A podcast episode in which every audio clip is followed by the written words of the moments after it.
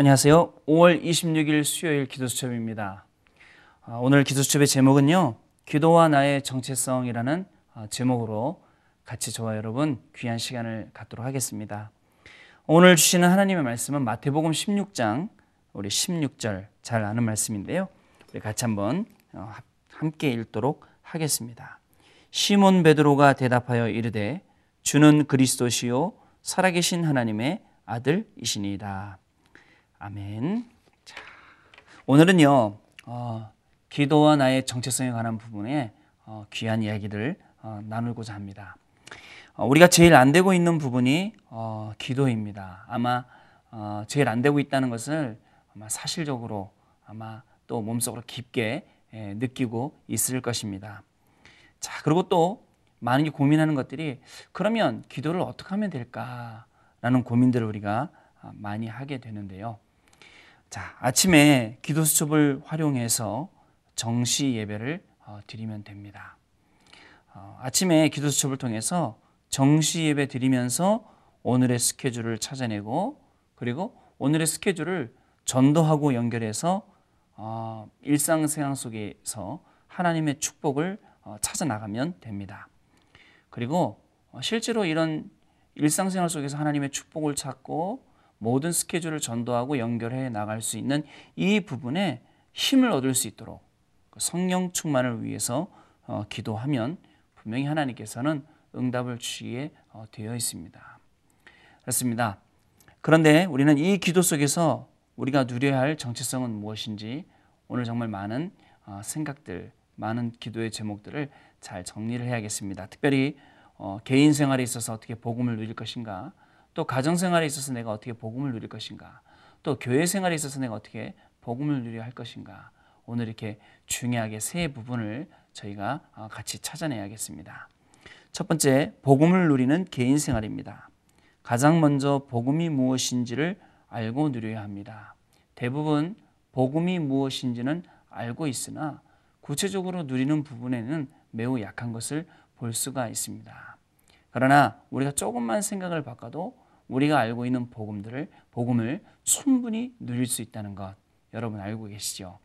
오늘도 어, 작지만 하나님과의 개인적으로 정시 예배하는 이 시간 바로 복음을 누리는 시간입니다.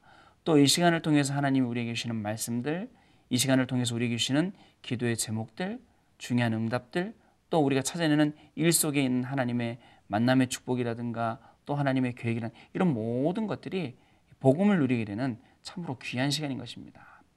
오늘은 복음을 알고만 있는 것이 아니라 알고 있는 복음을 정말 나하고 정확하게 관계 있게 찾아내서 누리게 되는 그런 귀한 시간이 되어야겠습니다. 하나님께서 누구를 쓰시며 그리스도 안에 있는 축복은 무엇인지, 불신자의 영적인 상태와 우리가 전도를 해야 할 이유는 무엇인지, 그리고 성경에서 말하는 전도 방법과 기도 응답의 원리를 잘 알고 복음 엘리트로서 준비를 해야 합니다. 그동안 기도 수업을 통해서 또 전도 신학원이라든가 그리고 강단을 통해서 이 부분에 참으로 많은 말씀들이 있었습니다. 조금만 생각을 해보면 분명히 이 말씀들이 남의 것이 아니라 내 것으로 확인, 확인이 되어지고 분명히 누릴 수 있게 되는 것입니다. 이런 복음을 누리는 개인 생활이 오늘부터 어, 여러분들의 삶에 계속 어, 되기를 바랍니다. 영성과 지성이 겸비된 사람, 그리고 믿음도 있고 실력도 있는 사람이 복음 엘리트입니다. 이런 사람들이 성공을 하면 참된 성공을 하고 절대 흔들리지 않고 다시 실패로 돌아간 일이 없는 그런 참된 성공을 하게 되는 것입니다. 두 번째, 복음을 누리는 가정생활입니다. 복음을 누리는 가정생활에서 어, 정체성을 찾아야 합니다. 우리는 경제 부분의 언약을 붙잡아야겠는데요. 신자든 불신자든 대부분 사람들이 가난합니다. 자, 경제를 알고 깨어 기도하지 않으면 불신자에게 질 뿐만 아니라 굉장히 어려움을 당하게 됩니다. 그래서 우리 랩런트가 가져야 할 올바른 경제관 또 이거하고 맞물려서 올바른 헌금관 어저께도 말씀을 드렸는데요. 이런 부분들은 상당히 우리 랩런트들에게 중요한 부분이라고 할 수 있습니다. 바른 경제관을 갖기 위해서 또 올바른 현금관을 갖기 위해서 오늘 조금만 기도하고 바른 생각을 한다면 앞으로 경제를 살릴 수 있는 많은 응답들을 우리 랩런트들이 하나씩 하나씩 분명히 받게 될 줄로 믿습니다.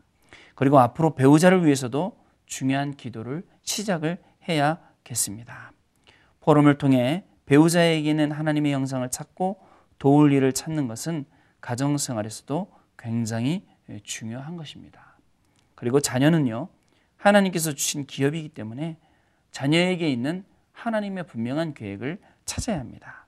이때 복음 안에서 성공된 가정의 축복을 찾아 누리게 되는 것입니다.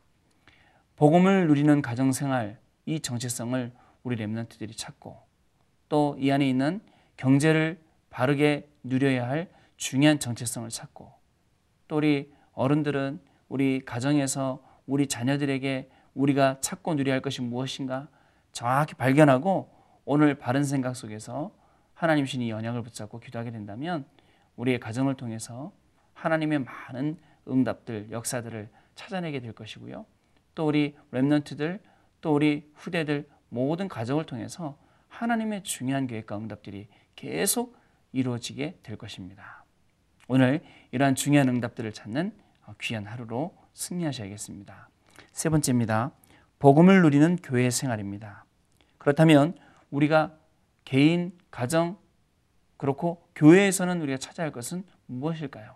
어, 안디옥 교회를 통해서 세계 복음화의 문이 열렸습니다. 그렇습니다. 교회를 통해서 초대교회 중직자들은 어떤 일을 했는지 그리고 전 세계를 살리는 지교 운동과 렘넌트 운동의 의미를 찾아내야 합니다.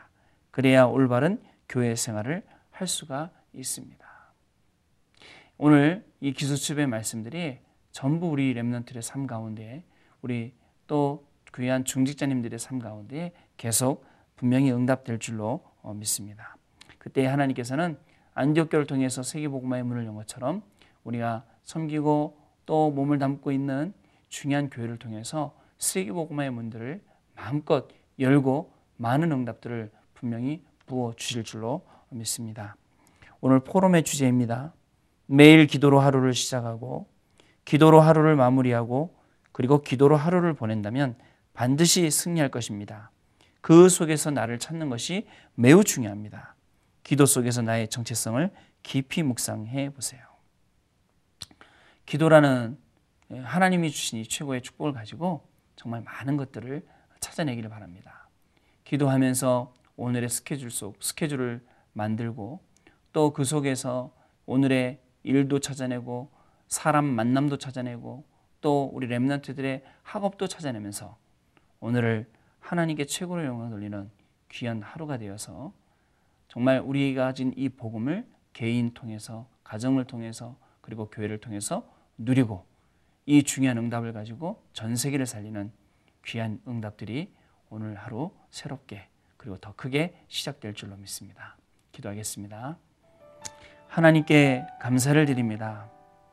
기도를 통해서 모든 것을 찾을 수 있는 중요한 말씀들을 오늘 랩런트들과 귀한 전도자에게 주신 것을 감사를 드립니다. 오늘도 이 중요한 언약을 붙잡고 기도하면서 하나님이 주시는 이 모든 축복들이 최고로 발견되어지고 또 발견된 것이 누려지며 누려진 이 응답을 가지고 증인의 모습으로 많은 현장을 살리며 많은 사람들을 살리게 되는 최고의 축복이 오늘 우리 랩런트들에게 오늘 우리 전도자들에게 시작되는 최고의 하루가 되도록 주께서 성령으로 역사하여 주옵소서. 우리 주 예수 그리스도 이름으로 기도드립니다.